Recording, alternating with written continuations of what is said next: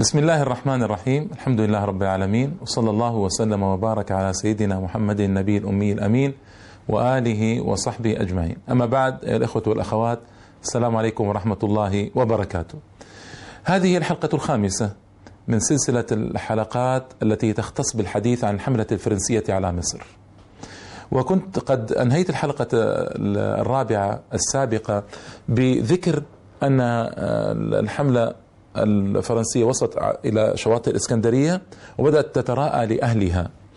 والحملة البريطانية البوارج البريطانية كانت قد انسحبت قبل ثلاثة أيام من ميناء الإسكندرية.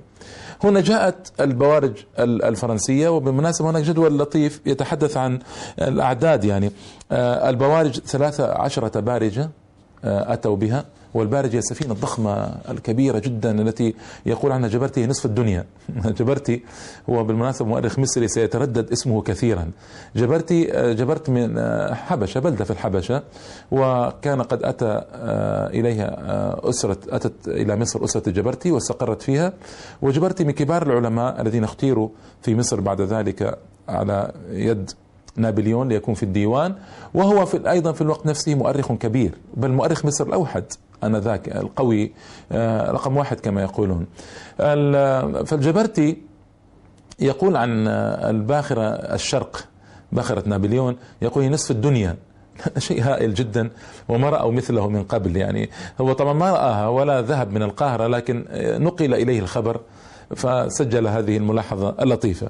فالبوارج 13 بارجة الفرقاطات وهي السفن العسكرية الأخف هي تسع فرقاطات. السفن والطرادات إحدى عشرة سفينة آه النقالات مئتان واثنتان وثلاثون يعني القوارب آه الصغيرة. الجنود كانوا واحد وثلاثين ألفا وثمانمائة جندي والخيول قرابة سبعمائة خيل. هذه هي الحملة. فنلاحظ أن الحملة عددها ضخم جدا. ضخم جدا ويضاف إليها 187 عالما أتى بهم نابليون في مختلف أنواع العلوم وأيضا 300 امرأة وعدد آخر من الطباخين ويعني المهم أنه قد أتى بحملة ضخمة حملة لم يكن يتوقعها المماليك المغرورون للأسف الشديد. يعني مثلا قنصل فرنسا قنصل النمسا في القاهرة. دخل على مراد بيك. ومراد بيك من هو؟ بالمناسبة يعني ولابد أن ذكرنا مراد بيك لابد أن نذكر من هو أيضا. الذي جرى في مصر أن كان هنالك علي بيك أبو علي بيك الكبير. علي بيك الكبير كان تحت السلطنة العثمانية في مصر. لو أردنا نرجع قليلا للإخوة والأخوات لا يهم ليس مشكلة لأنه معلومات مهمة وسنحتاجها في أثناء سيرنا تفهموا من هم المماليك وإيش علاقتهم بالعثمانيين؟ مهم جدا هذا الأمر. العثمانيون عندما دخلوا مصر في سنة 923 في القرن السادس عشر الميلادي للإخوة الذين لا يعرفون التواريخ الهجرية في القرن السادس عشر الميلادي دخل العثمانيون إلى مصر والشام. 924 23 24 هجري. يعني قبل خمسة قرون بالضبط من الآن. لما دخلوا كانت لهم سلطة مطلقة طبعا والباشا العثماني والوالي وتقريبا أنهوا سيطرة المماليك على مصر والشام. لأن أخذوا البلاد من المماليك. والمماليك من هم؟ يعني لابد أيضا من إيضاح لأن مسألة المماليك هم هؤلاء الغلمان الصغار الذين كان يؤتى بهم من آسيا الوسطى. آسيا الوسطى هي موطن الترك الذي نقول عنه اليوم تركستان. تركستان تركستان اليوم هي تركستان الشرقية تركستان الغربية تركستان الشرقية ترزح تحت نير الاحتلال الصيني اليوم وتسمى بسينكيانغ ويذوق أهلها سوء العذاب من الصينيين ولكن لما كانوا مسلمين ما أحد يهتم بقضيتهم ولا أحد يطرح قضيتهم. هل سمعتم يوم بسينكيانغ هل سمعتم يوم بتركستان الشرقية؟ كما سمعنا بتيمور وكما سمعنا بدارفور و... للأسف لا. المهم وأعداد ضخمة عشرات الملايين من السكان يزحون تحت التعذيب الصيني اليومي ولا أحد يلتفت لقضيتهم. وتركستان الغربية وهي الجمهوريات الخمس المستقلة عن الاتحاد السوفيتي الهالك هي أوزبكستان وطاجكستان وقزاقستان وتركمانستان وقرغيزيا أو قرغيزستان. هذه قوميات تركية موجودة في تلك المناطق.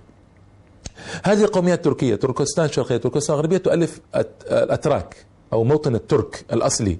وبمناسبة الأتراك اليوم العثمانيون هم أصلا من تلك المناطق. أتراكم جنس واحد خرجوا من تلك المناطق خرجوا إلى الأناضول واستقروا فيها. فكان الخلفاء العباسيون وأولهم المعتصم يأتي بالشباب المدرب من والأتراك يأتي بهم من تلك المناطق ليعينوا جيشه. فتكاثروا تكاثروا وجيء بهم بأعداد كبيرة من هنالك وسموا المماليك أنهم كانوا يؤتون آه، على هيئة أرقاء عبيد ثم يعتقون بعد ذلك. هؤلاء المماليك تمكنوا من حكم مصر آه، قرابة 300 سنة ثلاثة قرون إلى أن أسقطهم العثمانيون. بمرور الزمان آه، ضعفت الدولة العثمانية واستعاد المماليك سيطرتهم شيئا فشيئا على البلد حتى استطاعوا أن يجعل الوالي العثماني ورمز فقط في قلعة قلعة قلعة محمد علي في مصر المشهورة الآن باسم محمد علي في مصر قلعة الأيوبيين المهم يستطيعون يجعلوه رمزا في مصر وهم آه، يتولون مقاليد الأمور. وكان بينهم تناحر وتنافر وتطاحن لا حصر له. ويعني هذه المصيبة أنه لما جاء الفرنسيون إلى مصر كانت كانت حالة المصريين السياسية سيئة للغاية.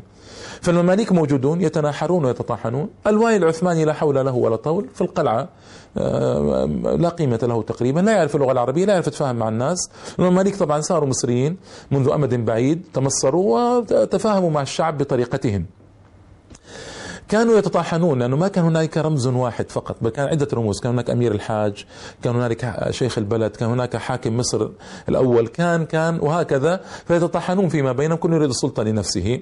والشعب المصري مسكين ليس مدربا على السلاح ما يدربونه حتى لا يثور عليهم ما يعرف السلاح هم فلاحون في أكثرهم أو علماء ومشايخ أو طلبة علم أو تجار أو صناع صناعات خفيفة ما يعرفون كيف يقاتلون ولا إنما القتال المماليك. هذا أمر قطعي معروف. القتال للمماليك وليس مع المصريين شيء من فنون القتال يستطيعون يواجهوا بها المماليك فكانوا يسلمون لهم تسليما ولا يستطيعون عمل شيء لهم. الوالي العثماني للأسف الشديد ضعيف جدا طبعا لضعف دولته فما يستطيع أن يصنع لهم شيئا. كان هنالك والي اسمه علي بيك الكبير آه، استقل عن الدولة العثمانية أعلن استقلال مملوكي. وكان له مولى مملوك أيضا عبد اسمه محمد بيك أبو الذهب. تفاهمت معه الدولة العثمانية واستطاع أن يقضي على علي بيك الكبير ومحمد بيك أبو الذهب تولى آه، السلطنة في مصر. آه، طبعا اسميا تابع للدولة العثمانية لكن هناك شبه استقلال في الحقيقة. بعد وفاته تطاحن شخصان كبيران أحدهم اسمه مراد بيك والثاني اسمه إبراهيم بيك. مراد بيك وإبراهيم بيك كان كان يتطاحنان على السلطة في مصر. ولما جاء الفرنسيون وجدوا مراد بيك وإبراهيم بيك في القاهرة. و... والحالة الشعب المصري في أسوأ مستوياتها. والسبب هو الظلم الظلم مخرب للممالك أيها الإخوة والأخوات. العدل يقوم بالممالك والظلم يخرب هذه الممالك. هذه مصيبتنا نحن مع الظلم. وظلم شديد وليس أي ظلم. فالذي جرى أن آه، الشعب المصري المسكين كان يعمل في الأراضي فلاحا في الأكثر. والفلاحون هؤلاء كان عندهم نظام اسمه نظام الالتزام. يعني آه، حاكم البلد يعطي أو يقسم البلد إلى أقسام. فيعطي كل قسم لرجل قوي. يستطيع أن يستخرج الضرائب الخراج الضرائب الكثيرة من المصريين المساكين بأساليب مختلفة من الظلم والقهر والعدوان والبغي. لا أريد أن آه، كما يقولون أوجع قلوبكم بها لكن آه، هذه الحقيقة. فجاء الفرنسيون يجدوا شعبا مثقلا بالمظالم مثقلا بكواهله بالضرائب بالمال بكذا فعزفوا على هذا الوتر طويلا. ولو كان هناك الإسلام مطبقا كما ينبغي ولو كان إسلامنا العظيم بأحكامه العظيمة الجليلة الرحيمة مطبقا لما استطاعت دوله أن تغزو مصر ولما استطاعت دوله أن تقترب من أي دولة إسلامية. لكن المظالم الشديدة آنذاك وقتل روح الشعب في المقاومة عدم تسليح الشعب يعني هذا هذا هو هذا آخر المطاف هذا ينتهي به الأمر. يعني الذين قاومنا باليوم مساكين من الفلاحين كان أكثرهم عندهم عصي ونبابيت جمع نبوت يعني هذه يعني ما معهم؟ رماح سيوف خناجر على الأكثر. مسائل النار هذه والبنادق هذه كانت قليل جدا من المصريين عندهم منها عند المماليك طبعا. فلما المماليك استطاعوا أن يحكموا السيطرة ويستطيعوا أن يدافعوا عن البلاد ولا أتاحوا لغيرهم آه، من المصريين الدفاع عن البلاد فهذا الذي جرى. فمراد بيك دخل عليه قنصل آه، النمساوي في القاهرة وقال عندنا معلومات مؤكدة أن نابليون يريد أن يأتي إلى مصر ويأخذها. قال نابليون وضحك طويلا. قال نابليون هذا إذا جاءني أنا سأرسل له ستة آلاف من جند المماليك يسحقونه سحقا. المسكين كان يعيش في عالم آخر. كان يظن أن الجنود الفرنسيين الذين سيأتون هم جنود لويس التاسع. هم مثل جنود لويس التاسع الذي جاء في منتصف القرن السابع الهجري. يعني آه، قبل 500 سنة ونيف أو 550 سنة من حملة فرنسية على مصر وسجن في دار أم آه، ابن لقمان في المنصورة. كانوا يظنون هذا هؤلاء المساكين. فما يدرون أن أوروبا لما جاء نابليون كان لها أكثر من ثلاثة قرون في النهضة كما يسمون عصر النهضة. وأنا ذكرت لإخواننا ما معنى عصر النهضة في الحلقة الأولى من هذا البرنامج وما هي حدود عصر النهضة الزمانية. و ذكرت هذا كله فلا أعيد. لكن هو غاب عن ذهني وعن ذهن كل المصريين وعن ذهن كل الدوائر الحاكمة في مصر آنذاك. كانوا في عزلة عزلة عنيفة وشديدة وقوية. غاب عن ذهنهم المدى الحضاري الذي وصلت وصلت إليه أوروبا آنذاك لما جاء نابليون وغاب عن ذهني أنه سيأتي بحملة هائلة ضخمة. ذكرت لكم الأعداد يعني قرابة أربعين ما بين بارجة وفرقاطة وسفينة وقرابة 32 ألف جندي السعودي والمماليك ما عندهم هذا العدد طبعا. ما كان يوجد في مصر آنذاك 12 ألف من المماليك. ما كان موجودا آنذاك في مصر. فالغرور الصلف آه، طيب آه، فهذا كله نعود إلى الإسكندرية آه، والأسطول الفرنسي الذي بدأ الأهالي يشاهدونه بأعينهم في أمامهم في الإسكندرية. ما هي التحصينات الموجودة في الإسكندرية الإسكندرية موجود فيها قلعة قديمة للأسف الشديد هي قلعة قايت باي قائد باي أحد الإمراء السلاطين الكبار المماليك الذين كانوا عظماء وكبار الذي توفي قبل 300 سنة من الحملة الفرنسية وقلعته لم يعنى بها ليست مرممة ضعيفة. ليست هناك المدافع المناسبة التي تدافع عن البلد. مدافع عددها قليلة جدا وكثير منها عتيق وعتيق جدا ما عاد يصلح لمواجهة المدافع الحديثة التي يأتي بها نابليون. استعدادات البلد ضعيفة. آه، تصوروا أنهم فوجئوا بوجود حملة فرنسية على شواطئهم. ما كان هنالك شيء اسمه مرابطة على الثغور الأمامية يعني الولوج في البحر بعد التحذير الإنجليزي. على الأقل كانوا يلجون في البحر قليلا ينظرون إلى الأسطول القادم يأتون يحذرون. منتهى العجز يعني منتهى العجز في الحقيقة. ما هنالك استعدادات جيدة ولائقة وما غزي قوم قط في عقر دارهم إلا ذلوا إلا ذلوا. فهؤلاء أتوهم في عقر دارهم. آه، فأتى نابليون والأسطول الفرنسي. حتى نعرف حالة نابليون والأسطول الفرنسي منذ أن خرج من مالطا والأمواج الكثيرة تتقاذف هذه السفن فأصيب جنوده بكثير من الإعياء والغثيان وأصابهم القيء الشديد.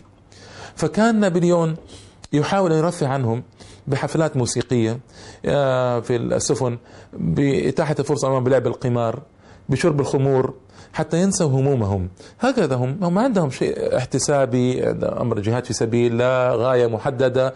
يعني هذا كله ما, ما يعرفونه الفرنسيون بالطبع وكان هناك حالات تذمر شديدة بين الجنود بسبب طول المسافة وبسبب هيجان البحر الشديد. كيف كان نابليون يقضي أوقاته في سفينته الشرق؟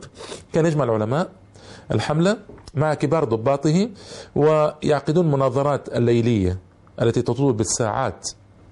يعقدونها من أجل آه، فهم الواقع المصري وفهم الواقع العالمي أكثر فأكثر. هكذا استعداد تام بينما جماعة المماليك في يغطون في نوم عميق. آه، كان عنده القرآن والإنجيل معه ويصنفهما تحت في مكتبته في السفينة تحت آه، تصنيف الكتب السياسية. يعني هو أدرك أكثر من علمانيين العرب اليوم أن القرآن هو كتاب سياسة كما أنه كتاب آه، مجتمع اجتماعي كما أنه كتاب اقتصادي كما أنه كتاب إعلامي كما أنه كتاب هداية وإرشاد كما أنه كتاب دلالة. ويعني أدرك هذا أكثر من علمانيين العرب اليوم للأسف الشديد. فصنفهم تحت عنوان الكتب السياسية وكان يقرأ. ويقرأ طويلا ويقرأ عليه من قبل ضباطه. الكتب الطويلة تتحدث عن مصر وأحوال مصر. حتى إذا جاء كان على اطلاع تام بما يجري. وكان يقرأ آه، الكتب عن الإسكندر ذي القرنين. يريد أن تشبه أن يكون مثله. كان لديه طموح كبير جدا بأن يأخذ مصر ثم الشام. ثم القسطنطينية بعد أن يكون إمبراطورية عربية يأخذ القسطنطينية ويعلن نفسه إمبراطورا على كل الشرق. وهذه هذه أحلام كانت تراوده دائما وأبدا إلى آخر لحظات آه، وجوده في السلطة. آه، فكان يقضي الأوقات هكذا نابليون في السفينة. وكان من حظ الضباط اللحم الطازج لكن الجنود ما كانوا يجدون هذا. يجدون البسكوت الذي هو مملح واكثره قد غزاه الدود. يجدون الأكل الذي هو أقرب إلى الفساد منه إلى الصحة. ما يكادون يجدون شيئا فلما وصلوا إلى الاسكندريه وصلوا في ظروف صعبة جدا. فلما ظهر الأسطول أسرع آه، مجالون القنصل الفرنسي في الإسكندرية. آه، الحلقة السابقة ذكرت لكم مجالون أنه التاجر الفرنسي الكبير والقنصل الفرنسي في القاهرة الذي آه، حث الحملة الفرنسية على المجيء إلى الإسكندرية إلى مصر وأخذها آني. حث حكومة الإدارة على المجيء إلى مصر وأخذها. هذا ماجلون القنصل الفرنسي في الإسكندرية ابن أخ شارل ماجلون ذلك التاجر القنصل الكبير. فابن أخ ماجلون المهم اتجه إلى نابليون ليخبره بحال البلد. أخبره بأن الأسطول البريطاني كان موجودا قبل أيام. أخبره بأن هياج الشعبي شديد. أخبره أن النصارى في خوف على أرواحهم وهذه طبعا مبالغاتهم من أجل حث نابليون على عمل شيء. فحاول أن يحث نابليون على النزول بسرعة إلى إلى إسكندرية. بين القائد البحري لنابليون أن البحر هائل جدا آنذاك وأن النزول خطر لأنهم سينزلون ما سينزلون في ميناء الإسكندرية بالطبع الأهالي سيقاومونهم لكن سينزلون في منطقة خارج الإسكندرية فما يضمنون حسن النزول سيغرق عدد من الجنود وعدد منهم كبير لا يعرف السباحة جنود البر فما ليس من المناسب. نابليون قال أنا لا أملك وقتا أخشى أن إذا يأتي الأسطول الإنجليزي فواجه به مواجهة مبكرة لابد من النزول. ونزلوا فعلا تكبدوا عدد من الجنود قرابة 30 جندي غرق ونزل الجنود في ظرف سيء جدا في الليل على منطقة اسمها العجمي. العجمي هي اليوم ثمانية أكيال غرب الإسكندرية. ثمانية كيلومترات غرب الإسكندرية. اضطروا أن ينزلوا هنالك في جنح الليل حتى لا يراهم الأهالي ونزلوا نزلوا واستمر النزول من أول الليل إلى الساعة الثالثة فجرا. هنالك وتغلبوا على الأمواج وكذا كما قلت لكم وجرح عدد كبير من الضباط والجنود بسبب هيجان البحر ونزلوا. المهم ومشوا هذه الأميال الثمانية ليصلوا إلى الإسكندرية وأسوارها عند شروق الشمس. فوجدوا أن أهل الإسكندرية قد انتشروا على الأسوار ووضعوا بعض المدافع على الأسوار وصيحات الرجال بالتكبير والنساء ووجدوا المنظر في غاية الصعوبة والقوة. أن محمد كريم استطاع أن يؤلب أهل الإسكندرية طبعا وينبههم على ما جري وهو شيخ البلد بالمناسبة محمد كريم هو كان تاجرا لكنه كان حسن التعامل مع الناس لطيف المعشر حسن التعامل مع التجار الأجانب. لكل هذا أحبه الجمهور الإسكندري و طلبوا أن يكون شيخ البلد وفعلا عين شيخ البلد وبمثابة الحاكم يعني الإسكندرية وهذا لما رأى الأسطول أرسل ثلاثة عشر رسولا سريعا جدا إلى مراد بيك في القاهرة. وطبعا هو منذ أن جاء إليه البريطانيون طلب من بعض العربان أن يكونوا قريبا من الإسكندرية من أجل مواجهة هذه الحملة لكن العربان بطبيعتهم أنهم إذا وجدوا أن الأمر أقوى منهم ينسحبون مباشرة ولا يكلفون أنفسهم الموت آه، في سبيل الله. ما هي ليست هذه عادة العربان البادية؟ آه، إنما الذي تولى كبر الدفاع عن المدينة هم أهلها من الحاضرة وبعض المماليك ومحمد كريم إلى آخره. هؤلاء الذين تولوا الدفاع عن المدينة آنذاك. وجد طبعا نابليون وجد آه، ثلاثة سفن حربية عثمانية موجودة في الإسكندرية. أرسل إلى رئيسها قال أنا جئت من أجل عقاب المماليك وإياك ثم إياك أن تتدخل فيما بيني وبين المماليك هؤلاء وإلا أبدتك وقتلت جميع من معك. وأخبر السلطان العثماني أني إنما جئت من أجل حرب المماليك فقط فعلا القائد العثماني وجد أنه ثلاث سفن صغيرة وهذه أربعون ما بين بارجة وفرقاطة وسفينة وأعداد ضخمة جدا أن ليس مناسب أن يدخل معها في حرب. أبحر ليخبر آه، السلطان العثماني بما جرى آه، من حملة نابليون على مصر. آه، نزل نزل نابليون وأمر بحصار البلد. ابتدأ الأهالي يرسلون يعني والله أنا عندما أتحدث عن هذه الحملة أتحدث عنها بمنتهى الأسى. لماذا؟ لأني كنت أتمنى أن يكون الأهالي هؤلاء مسلحين أن يكونوا على أهبة الاستعداد بشكل أكبر وأعظم أن يكون لديهم قدرة أكبر على الدفاع عن البلد. الإسكندرية كلها فيها أقل من عشرة آلاف شخص ما بين رجال ونساء وأطفال. البلد البلد محلت بسبب الظلم الشديد الذي كان يمارسه المماليك كما قلت لكم. ما هناك أعداد في الإسكندرية؟ أعداد ضائقة. كل البلد عبارة عن أقل من عشرة ألاف شخص. ما بين رجال رجل وامرأة وطفل و فمن يقوم أمام حملة آه، قرابة 32 ألف جندي ومدافع هائلة جديدة حديثة وحملة ضخمة. فصار الأهالي مساكين يرمون عليهم الحجارة. يرمونهم ببنادق القديمة بالمدافع القديمة. وجرح بعض الضباط منهم كليبر جرح جرحا غائرا فوق جبهته آه، فوق حاجبه يعني وجرح بعض الجنود قتل بعض الجنود قليل يعني. كل الحملة على الإسكندرية كلفت نابليون ما بين 80 إلى 100 قتيل آه، بينما قتل من أهل البلد من 700 إلى 800 قتيل.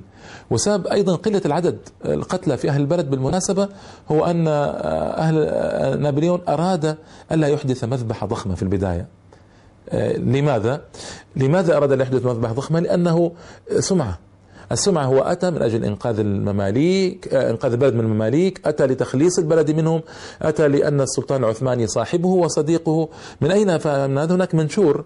وزعه نابليون طبعه في المطبعة التي أتى بها. والمطبعة بالمناسبة جاء بها من آه، روما ومن باريس. مطبعة البابا استولى عليها من روما. عندما قلت لك في الحلقات الماضية أنه عزل البابا وأخذ مطبعة أخذ المطبعة من روما وأتى مطبعة أخرى من باريس وكان يطبع المنشورات على ظهر السفينة ويخبر الضباط والجنود بالمنشورات يوزعها على البوارج والسفن. وأيضا هنا طبع منشورا يخاطب فيه أهل مصر جميعهم بأن اولا قال لا إله إلا الله محمد رسول الله يعني دجال كاذب يدعي الإسلام وهو قلت لكم بالمرة الماضية لا يتدين بدين أصلا وهو الذي عزل البابا من روما وهو الذي ينظر الأديان بازدراء. يكفي أن مقولته يقول إن الرب أعوذ بالله من هذا لكن لابد أن تسمعوا حتى تفهموا من هو نابليون. يقول إن الرب يكفيه شرفا وفخرا. يكفي الرب شرفا وفخرا. هنالك رجل في الأرض مثل نابليون يسبح بحمده. تصوروا إلى هذا الحد وصل به الصلف والغرور. فطبع منشورا وزعه على اهالي مصر. بعد ذلك اسكندرية ثم مصر في كل مكان كانوا يوزعوه أنه لا إله إلا الله أن محمد رسول الله وأشهد أن لا إله إلا الله يعني. وأنا مسلم ومسلم أكثر من المماليك وأنا صديق للسلطان العثماني وأنا جئت أخلصكم من ظلم المماليك وأنا أحب الإسلام وأحب القرآن.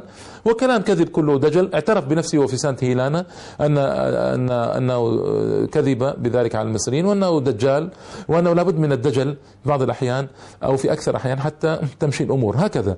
وكان الضباط الحملة الكبار مثل كليبر وديزي يتعجبون من نفاق نابليون هذا العجيب ويتعجبون من ادعائه الإسلام وهم يعلمون أنه يعني لا يؤمن بالإسلام ولا يؤمن بدين آه، بيوس آه، هو الباب الذي عزله نابليون ولا يؤمن بهذه الأديان كلها وهم يصرحون بهذا وثائق. كل هذه وثائق مكتوبة. الذي أذكر لكم هو ملخصات من وثائق مكتوبة.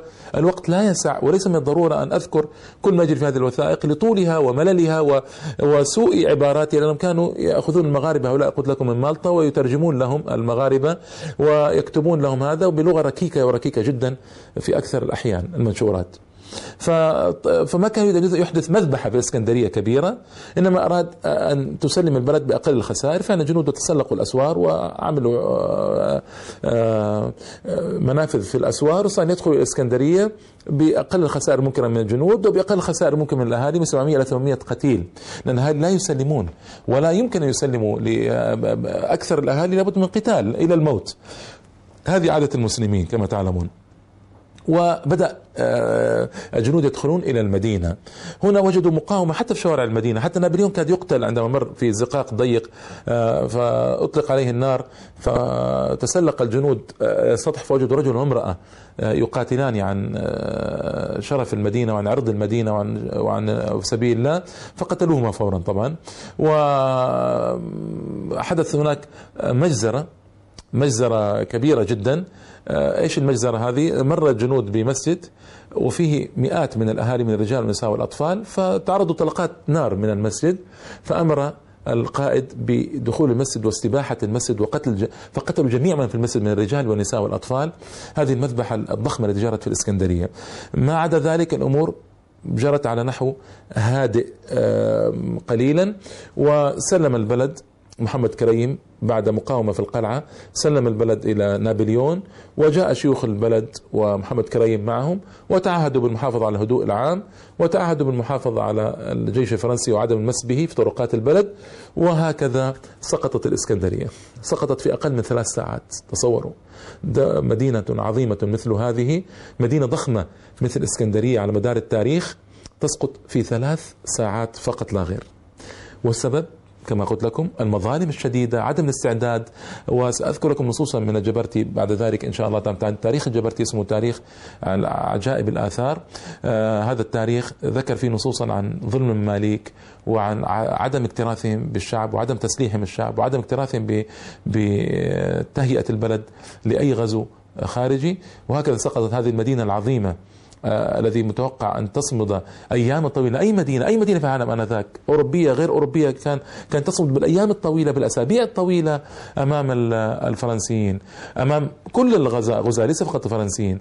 فما بالكم بمدينة ضخمة مثل هذه لها تاريخ عريق تسقط في ثلاث ساعات أو أقل آه، محنة وفضيحة مدوية. لكن نحن الذين صنعناها بأيدينا إنا لله وإنا إليه راجعون. آه، سأذكر في الحلقة القادمة إن شاء الله تحرك الفرنسيين من الاسكندريه إلى القاهرة وماذا جرى بعد ذلك؟ وإصبروا قليلا فيها أحزان كثيرة لكن هذه الحلقات بما فيها من أحزان تثير الشجن وتثير التفكير في واقعنا المعاصر ونربطه كيف بتاريخنا الماضي وكيف نربطه بمستقبلنا. والله أعلم. وجزاكم الله خيرا. والسلام عليكم ورحمة الله تعالى وبركاته.